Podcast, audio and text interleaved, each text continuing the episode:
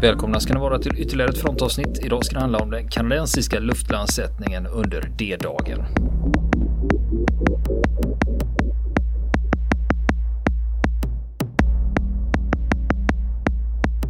Ja du Niklas, du sa du mm. hade inte hört så mycket om kanadensarna, vad de hade för sig.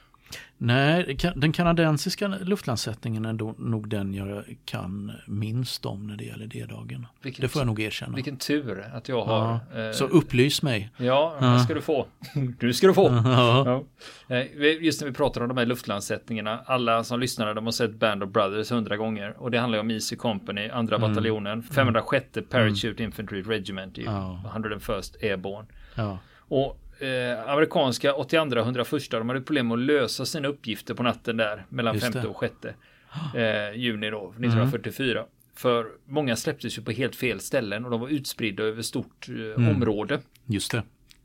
Det som kunde gå fel gick fel kan man säga med de här ja. luftlandsättningarna. Både den amerikanska och den brittiska. De hade enorma svårigheter. Ja samlas. Men en fördel mm. var ju också att det ledde till en otrolig förvirring bland tyskarna när mm. fallskärmsjägare dök upp och de Överallt ja. dök upp. Och det var ju samma sak du berättade i Markov-batteriet. Där dök det ja. också upp fallskärmsjägare i krokarna. Just det. Just det. Som, eh, Precis och dessutom så spred man små dockor också. Eh, som fejkade fallskärmsjägare för att fejka eh, luftlandsättningar. Då de, de där eh, dockorna de var kanske en halv meter höga. Eh, då, men med en fallskärmsjägarsilhuett och så smatterband som eh, gick av när de nådde marken. För att det skulle fejka beskjutning och så vidare. Mm. Så att på håll såg det ut som vuxna fallskärmsjägare i mörkret då som, som landade allt för att skapa, op, gör, skapa optiska bullermässiga då, förvill, förvillelser. Ja, mm. och problemet var eh, mm. med den här luftlandsättningen på natten mellan 5 och 6 juni. Det var att flera av de här förbanden, de lyckades mm. inte lösa sina uppgifter. Just det. Just det. Eh, men det finns exempel på lyckade operationer den här natten. 82 mm. till exempel, de lyckades ju faktiskt befria Saint-Regli trots, det. trots det här. Och britterna tog ju broarna de hade planerat att ta mm. i Operation Deadstick, alltså eh, Pegasusbron. Just det. det har vi berättat Precis. om i ett annat frontavsnitt om man vill höra det. Och britterna mm. tog även Merville-batteriet. Mm, just det. Så det finns Fast, ju... eh, precis. De, de, löste det, men den framgången kan man säga omtvistad. Men den tänkte jag berätta om i ett annat avsnitt. Okej. Okay, då... Och nämligen från den tyska sidan. Ooh, mm. Då släpper vi den. Vi släpper Merville. Men eh, nu fanns det faktiskt ett mm. förband som lyckades med det de skulle göra. Det var kanadensarna som ingick i britternas luftlandsättning. Mm. Kanada, de hade bidragit med mm. First Canadian Parachute Battalion. Mm. Och målet med de här luftlandsättningarna, det var ju mm. att skydda landstigningen från havet. Ja. Erövra nyckelpositioner, spränga broar för att förhindra förstärkningar och motanfall och sluta artilleri. Just det. Så att de förberedde inför mm. morgonen då när, Kratta manegen så att säga. När eh, trupperna kommer från havet. Och eh, eh den mm. historien mm. jag ska berätta om här det handlar om en man i C-kompaniet. Mm. I, eh, hos kanadensarna. Han hette korporal Dan Hartigan. Mm. Och 1942 då var han, det här är ju två år tidigare då. Mm. Då var han 18 år gammal och korpral i Canadian Dental Corps. Ja, tandläkartrupperna. det var så. Och han var stationerad i Sydney i Nova Scotia. Och 22 december 1942 då åker han mm. tåg till Fort Benning, Georgia för att utbildas till fallskärmsjägare i den nyligen bildade First Canadian Parachute Corps. Mm. Fort Benning, Georgia var ju några andra förband som vistas just där. Det, jajamän, då är vi ju nere på, eh, på just Band of Brothers och så. Just det. Är vi. Ja, mm. det är 101 som var där. Mm. Just det. På Fort Benning. Mm. Och sen 24 april 1943 då fortsatte han sin utbildning på Camp Shiloh i Manitoba och då är han tillbaka mm. i Kanada då. Och 23 juni 1943 och 23 juni 1943 då klev de på ett fartyg som skulle föra dem till England. Mm. Och i maj 1944 då stod det klart att de skulle ingå i den brittiska sjätte luftburna divisionen mm. vid luftlandsättningen i Normandie. Just det. Och Hartigan, han skulle ingå i de förtrupper som släpptes ner 45 minuter innan den stora luftlandsättningen. Och det gjorde man ju för att säkra området, mm. sådana Pathfinders. Just det, så man skickade, markera landstigning. De skulle markera att här ska ja. de landa då. Just det. Och uh, First Canadian Parachute Battalion den bestod av tre kompanier. Först hade vi mm. A-kompaniet, det leddes av Major D. Wilkins. Deras mm. uppgifter var att skydda brittiska nionde fallskärmsbataljonens flank när de skulle attackera batteriet i Merville. Och sen skulle de täcka dem när de skulle rycka fram mot Le Plain. Och de skulle hålla korsningen i Le Mesnil. Mm. Sen fanns B-kompaniet. Det leddes av Major C. Fuller. De skulle förstöra bron över floden Div och hålla området tills de fick order att dra sig tillbaka till korsningen mm. vid Le Mesnil. Mm. Och då skulle ju de sammanstråla där med A-kompaniet. Just det. Och C-kompaniet då, det leddes av Major McLeod. Deras uppgift var att rensa fiendens garnison i Varaville och ta försvaret vid vägen nära Chateaut, alltså slottet då, mm. strax öster om Varaville. Och de skulle även förstöra bron över Devettfloden och radiosända stationen nära eh, Varaville också. Mm. Och Chateau Varaville, alltså slottet i Varaville som mm. de skulle ta. Där fanns det en 75 mm pansarvärnskanon och mm. tyskarna hade förskansat sig i bunkrar och skyttevärn och då fanns det en vägkorsning som de kontrollerade. Mm. Och det var en mycket större styrka där än vad kanadensarna trodde. Och samma sak med hur många tyska soldater finns det i Varaville självt. Det var mm. bra mycket mer än vad kanadensarna hade förutspått. Mm.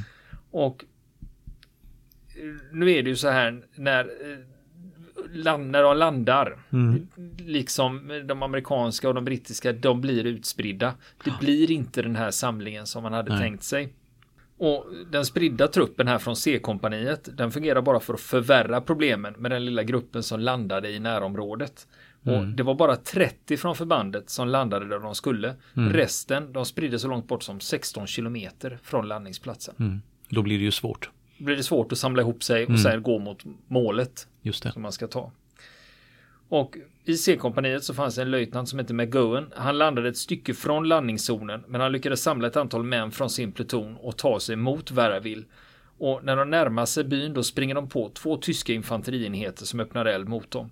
En strid följde som gjorde att tyskarna de kunde inte ta sig in i byn och det resulterade till slut i att tyskarna gav upp. Mm. Så det var en seger där faktiskt. Och McGowan inrättade ett tillfälligt högkvarter för kompaniet på en kyrkogård och då använde han kyrktornet som en observationspost. Mm. Och det dröjde inte länge förrän observatören där uppe rapporterade att fienden rycker framåt en, genom en bombkrater. Mm. Och delar av kompaniet fick order att skjuta nedhållande eld så tyskarna inte skulle kunna ta sig fram till kyrkogården. Och fienden drog sig tillbaka under eldgivningen då och mm. tre mm. av tyskarna stupade i bombkratern där de hade försökt att gömma sig. Och nu när de har det här högkvarteret på kyrkogården då, mm. då kommer tung granatkastare och artillerield mot dem. Och det är inte bara artillerield mm. utan de utsätts också för prickskytteeld från skogen och byggnader i området. Mm. De franska civilisterna i området, de var vid den här tiden till stor hjälp för McOwens pluton. För kvinnorna lom sår och männen erbjöd sig att hjälpa till att driva ut fienden. Och en fransman som hade fått en vinröd basker och ett gevär av kanadensarna dödade tre fientliga prickskyttar. Mm. Så det fanns stridsvilja bland civilbefolkningen. Just det. Just det. Och de var utsatta för ganska häftig eld här. Men trots mm. det så lyckas McOwen ändå behålla positionen i byn tills de avlös, avlöstes av den sjätte brittiska kommandocykelstyrkorna. Mm. På eftermiddagen den 6 juni. Ja, de mm. heter så. Sixth British Commando Cycle Troops. Bra att veta. Ja. Och sen, sen fortsätter McGowan till bataljonsområdet vid korsningen i Le Misnil. Mm. Sen har vi eh, majoren McLeod från C-kompaniet. Han hade hoppat av som nummer ett från flygplan nummer 10 och han landar nära den norra änden av landningszonen. Och då är det menige Bismutka hade landat i närheten och de här två tog sig till mötesplatsen. I samband med det här så var det några Lancasters som hade fått i uppdrag att bomba Merville-batteriet. Men mm. bomberna de släpptes lite överallt i området, bland annat i kanadensarnas landningszon. Och flera av kanadensarna blev granatchockade av det här. Mm. Och när anfallet slutade, då fortsatte McLeod och Bismutka till mötesplatsen och de kommer dit vid halv ett på natten. Mm. Sen dyker det upp flera mm. personer på den här samlingsplatsen. Bland annat en löjtnant Walker, sergeanten Davis, eh, korpralen Oikley och eh, menige Thompson. De kommer samtidigt och då springer de på flera andra män som redan är där. Och då in, mm. uppfattar de att vad fan, det här stämmer ju inte liksom, med tanke mm. på hur många vi ska vara här. Just det. Så det är ju något som har gått snett här va. Precis. Och vid halv ett-tiden på natten, mm. då skulle det finnas mer än 100 man på den här mötesplatsen för C-kompaniet. Mm. För totalt var de 110 man. Och då kan ja. man ändå räkna med visst svinn. Just men det. Eh, ändå, vi räknar med en styrka på 100 man. Mm. I själva verket så var de 16 stycken. Mm. Så de är ju kraftigt decimerade. Just det. Och nu var det ju en plan här med, med, med de här sakerna man skulle ta. Man skulle inte bara ha med sig mannar, man skulle ha med sig grejer också. Mm. Och planerna krävde tungt beväpnade trupper. De skulle ha kulsprutor, de skulle ha tunga granatkastare, de skulle mm. ha Bangalore-torpeder. Mm. Men den här lilla gruppen, de hade en pajet. Mm. Eller säger man pajet eller piet? Ja, pajet säger man nog. Ja, ja, de hade bara en pajet, alltså mm. det här granatgeväret. Ja. De hade tre Sten-K-pistar och åtta gevär och mm. McClouds pistol. Ja. Det är det de ska ha då. Mm. för, att, ja, för att lösa sina uppgifter. Just det. Och eh, med de här grejerna de har och den här lilla mm. gruppen. Det här med att attackera en starkt försvarad fiendeposition. Eh, de inser ju att det, det här går inte riktigt. Vi, vi, måste ändra planen lite. Men McLeod, majoren ja. där, han bestämmer sig. Nej men vi kör. Vi, mm. vi tar oss an eh, tyskarna mm. ändå. Och de rör sig i mörkret mot Varavil. Då möts de av menige Rudko. Och då hade han med sig fem svårt chockade skyttesoldater från nionde pluton. Mm. Och det var nämligen den här bombningen av Lancasterplanen. De hade hamnat mitt i den bombningen. Mm. Och, eh, något omskakade. Ja, precis. Men de, han hade med sig, de hade överlevt i alla fall och de hade sin utrustning med sig. Och nu är det så att den stora luftlandsättningen den förväntas börja om ungefär 25 minuter. Så det finns ju en tidsaspekt på det här också. Mm. Och McLeod han bestämde sig för att anfalla för att förhindra att fienden ställer till problem. För just för att, nu ska de skydda luftlandsättningen, det är det som är just planen. Det. Och närheten till bombningen till Varaville, det hade gjort att eh, det hade drivit tyskarna från sina tillfälliga kaserner. Mm. Så de stack ifrån kasernerna, de stack till sina försvarspositioner. Men, men, med tanke på hur tyskarna betedde sig i det här läget så verkar det inte som de kände till att det skett en luftlandsättning av allierade trupper. Nej. De betedde sig inte som Nej, om de hade garden nere fortfarande. De uppfattade mm. det som att det hade skett en bombning av mm. det här Lancasterplanet. Men de hade inte en aning om att det fanns luftlandsatta trupper Just där. Då. Och McLeod och hans män de tar sig genom byn utan att upptäckas och då kommer de fram till slottets grindstuga och den här grindstugan, det var en imponerande gul tegelbyggnad och den ligger en bit från själva slottet. Och mm. från det huset så har de en bra utsikt över tyskarnas positioner. Och då ser de att tyskarna har en lång skyttegrav. Den är förstärkt av jord och betong och med jämna mellanrum så har de kulsprutevärn. Och i slutet av den här skyttegraven så finns det en bunker. Mm. Och eh, McLeod kände inte till det här just då, men en kort bit bakom skyttegraven, det är där tyskarnas 75 mm pansarvärnskanon står. Mm. Och då tänkte man, ska vi försöka ta dem i flanken? Nej, mm. där var det minfält. Så det. det. gick inte liksom att flankera dem och ta dem den vägen. Och istället så är det en del av den här lilla gruppen. De går in i byggnaden och så ja. letar de igenom det i stridspar. Och ja. de upptäcker att grindstugan den har fungerat som kasern. Ja. För de hittar sex dubbla våningssängar i vart och ett av de åtta rummen. Och då kan man göra ett, då gör de ett snabbt överslag då. McLeod tänker så här, ja men 6 gånger 8 är 48 gånger 2 det är 96, det är 96 man ja. som var emot oss. Just det. Och de var inte så många. De var Själv. inte så många, nej. Precis. De var inte det. Men då kan man i alla fall få en uppfattning om vad man ja. har emot sig. Och den här byggnaden är ju tom. Ja. Men sängarna visar att någon har sovit i dem helt nyligen. Ja. Och här, här har de störtat mm. rakt ut. Och förmodligen när bombningen började så har mm. de stuckit från kasernen och in i sina ställningar. Mm. Och eh, då flyttar McLeod sina män till positioner runt den här grindstugan. Mm. Och Lieutenant Walker han positionerar 12 män i ett grunt dike där man, eh, där man har en understödsgrupp då. Där skulle de ha satt sina kulsprutor om mm. saker och ting hade fungerat. Just det, som, precis. Ja. Om de haft Okej, några. Låtsas att ni har kulsprutor. och, och, resten av eh, männen, de lägger dem runt byggnaden då. Och majoren McLeod och Thompson, de går upp mm. till andra våningen för att observera fiendens positioner. Mm. Och då, då lämnar de två soldater, Swim och Rudko, för att täcka ingången så ingen mm. faller oss i ryggen. Och några minuter senare, de står här nere och vaktar. Eh, de här Swim mm. och Rudko. Och plötsligt så hör de världens smäll och det bara yr tegel och murbruk runt omkring dem. Mm. Och explosionen fyller nedre delen av byggnaden med kvävande gipsdamm. Och de två männen här, Swim och Rudko, de snubblar till dörren, de snubblar till dörren och ut på gården för att få luft. Och nu fattar McLeod att eh, det här är en kraftig kanon. Mm. Liksom en kraftigt befäst styrka. Just det. Och för då hade de börjat skjuta mm. mot grindstugan där de befann sig. Och deras enda hopp om att hantera kanonen då, mm. hur ska man ta hand om den? Ja, då tänker man så här, ja, vi har ju ändå en pajet med oss. Mm.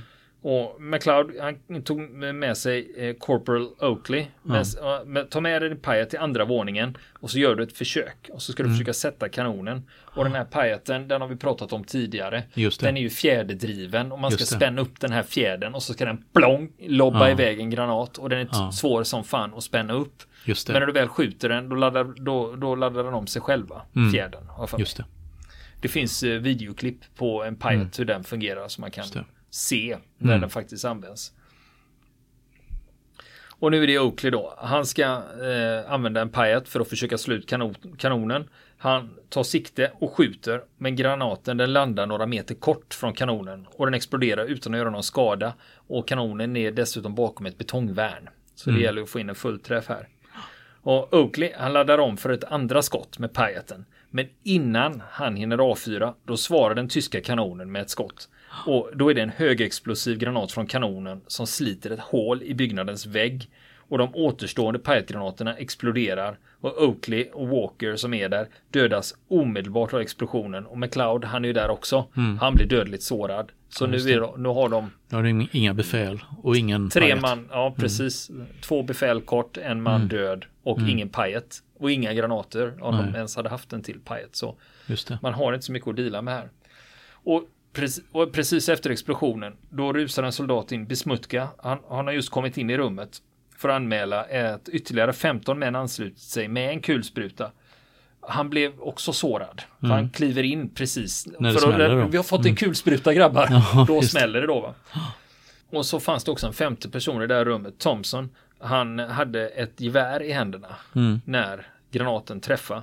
Efter smällen så står han fortfarande kvar med geväret i händerna. Fast geväret är helt sönderslitet och den del av handen som, höll, som han höll med runt stocken, den mm. delen av handen är borta. Mm. Men han står fortfarande kvar där med geväret i nävarna. Mm. Eller det som är kvar av nävarna då. Mm.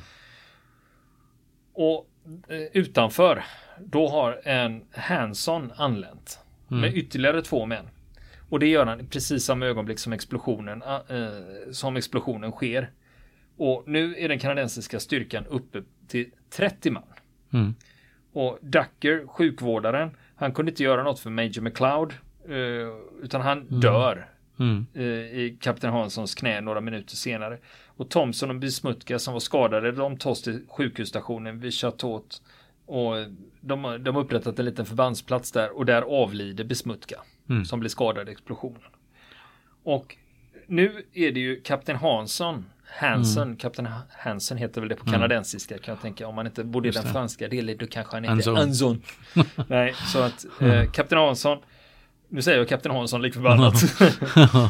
Kapten eh, Hansen, som numera är den som har befälet över styrkan, han bedömer mm. situationen. Att han har 30 man, det är mm. fyra sergeanter, fyra korporaler, 20 meniga och han själv. Och på utrustningssidan så är det lite bättre nu då. Han mm. har i alla fall, okej okay, han har blivit av med pajeten, men mm. han har istället en kulspruta. Förutom det så har han fyra k-pistar, 20 gevär och lite granater och även mm. gammon-bomber. Mm. Känner du till gammon-bomber? Gammon-bomber? Ja. Mm. Så här är det. Du behöver inte googla. Nej. Jag ska berätta för dig. Det är gammon-bomber, det är en typ av handgranat och den detonerar när man träffar målet. Ah. Ingen fördröjning där. Nej, nej men själv, den är lite speciell. Den ser jävligt märklig ut. För mm. själva tyg, själva sprängsatsen lägger man i en tygpåse. Mm. Och då kan du ändra spräng, eh, vad det är för sprängmedel du ska ha. Och du kan ändra mängden mm. sprängmedel i den här påsen också. Ja. Och du kan även stoppa i splitter i den. Mm. Eh, eller andra saker beroende ja. på vad du ska ha den till. Så den går att modifiera. Och den har, den har en eh, tygremsa som när man slänger den så åker tygremsan bort och sen då är den armerad och sen när den ja. träffar något så smäller den då. Den var populär bland sabotageförband och mm. motståndsrörelser och sånt. Och sen om man då eh, går igenom vad man har i vapenväg. Officerarna har ju dessutom varsin pistol. Och Hansen, han skickar iväg två män till Lemesnil för att rapportera om deras framsteg. Eller ja, ja, brist på framsteg. eller situationen ja, i alla fall. Och han vet om att vi skulle ju få med oss en 17-pundig fältkanon. Mm. Om den har kommit fram, om någon, mm. om någon magisk anledning att den ja, lyckas ha kommit till rätta så vill vi gärna ha den.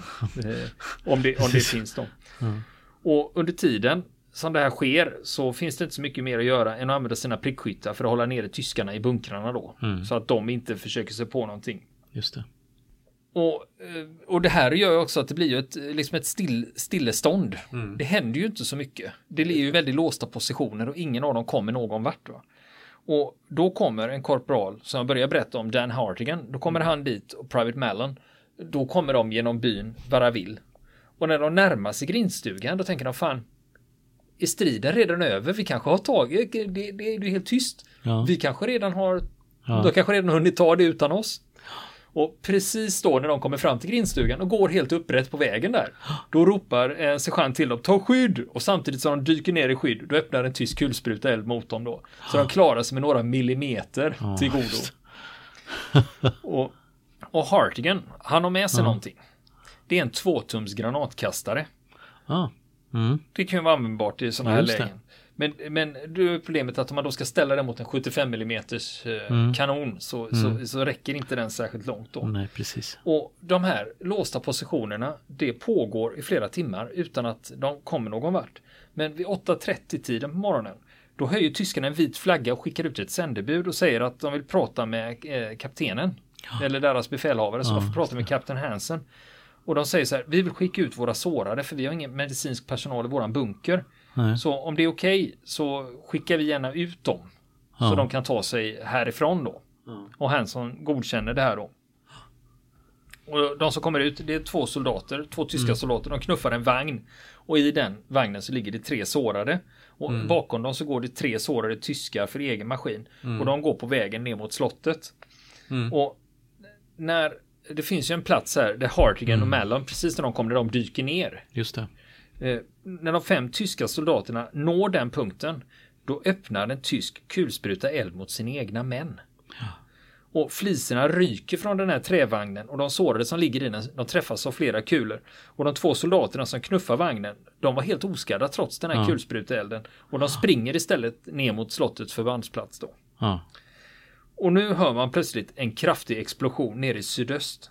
Och då förstår ja. man, aha, det är bron i Varaville som har blivit sprängd av det andra kompaniet. Ah, Framsteg. Ja, och de jublar. Då insåg de att ett av deras mål hade uppnåtts av Sergeant Davis och mm. hans män då. Och de kände också en känsla av lättnad för nu vet de att nu kan fiendens stridsvagnar inte komma till byn. Nej. Nu, nu, kan vi inte, nu kan vi inte få pansar i ryggen Precis. i alla fall. Och, och precis efter klockan 10 då samlar eh, Corporal Dan Hardigan ihop några granater till granatkastaren. Och då tar han med sig den här granatkastaren och så rör han sig mot ett dike som löper ut från sänkan i riktning mot tyskarna. Mm. Och samtidigt som han gör den här framryckningen då öppnar mm. resten av truppen eld för, eh, för, ja, att, för att skydda hålla nere, precis. för att hålla nere tyskarna.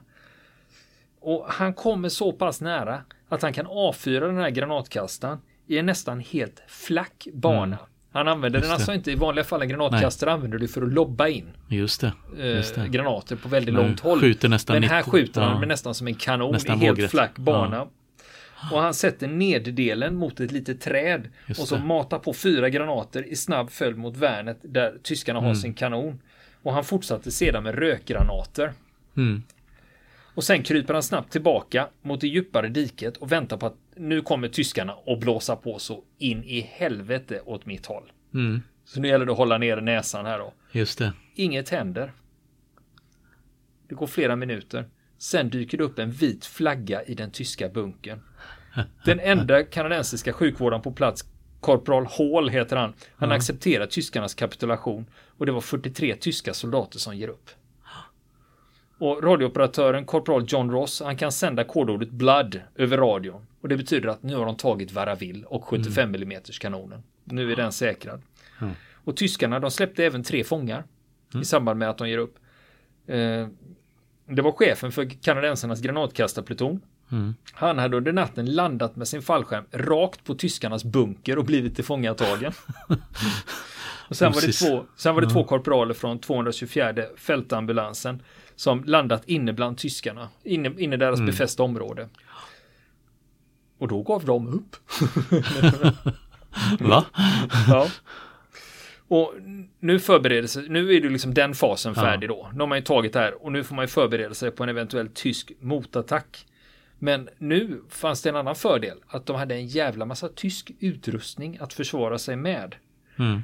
Det blev aldrig någon motattack.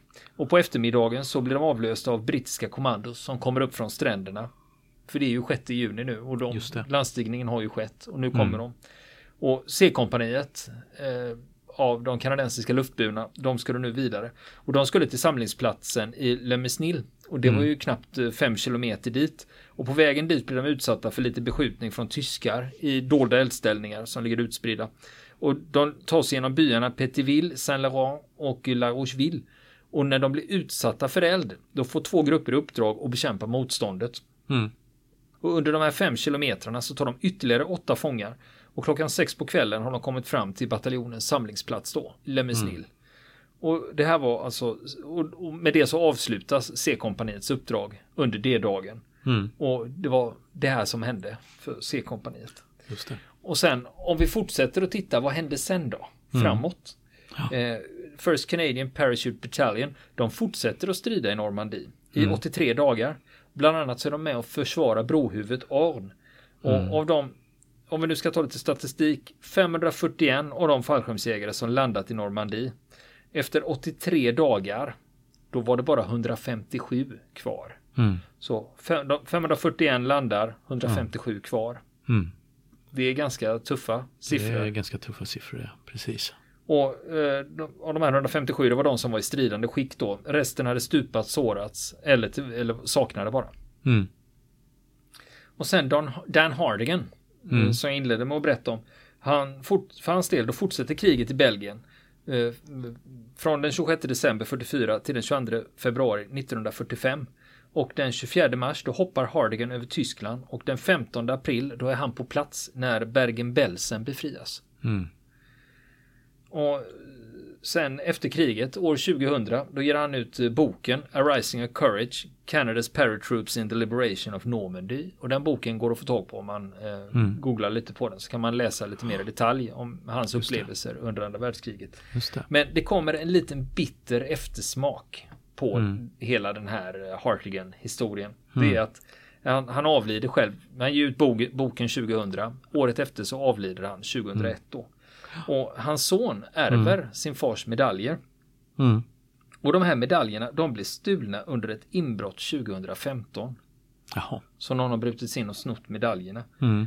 Och eh, för jag läste här när familjen då går ut i lokalmedier och liksom ja. säger ja min pappas medaljer och berättar historien om Dan mm. Hardigan. Och, eh, då blir folk, och Canadian Parachute mm. Battalion liksom. Jag kan väl inte få tillbaka dem. Vi ställer inga Just frågor det. och de utfäster ja. en belöning och sånt. Och det här inbrottet skedde ju 2015 och jag har varit mm. inne och letat på deras Facebook-sidor och sånt men jag har fortfarande inte fått sett att de har kommit till rätta. De här Nej. medaljerna. Så är det någon som eh, på Ebay eller någon annanstans ser medaljer Mm. Eh, det finns även listor över vilka medaljer det är som har försvunnit. Så mm. ni medaljer på Ebay från eh, eh, Canadian Parachute Battalion som skulle kunna tillhöra Dan Hardigan så mm. kan ni höra av er till Hardigans familj. Just det. Eller kanadensiska polisen. Ridande kanadensiska ja, polisen. Precis. Vill ni komma i kontakt med oss så kan ni göra det via vår Facebook-sida som heter Fronten. Det är inga problem för er att leta er fram där.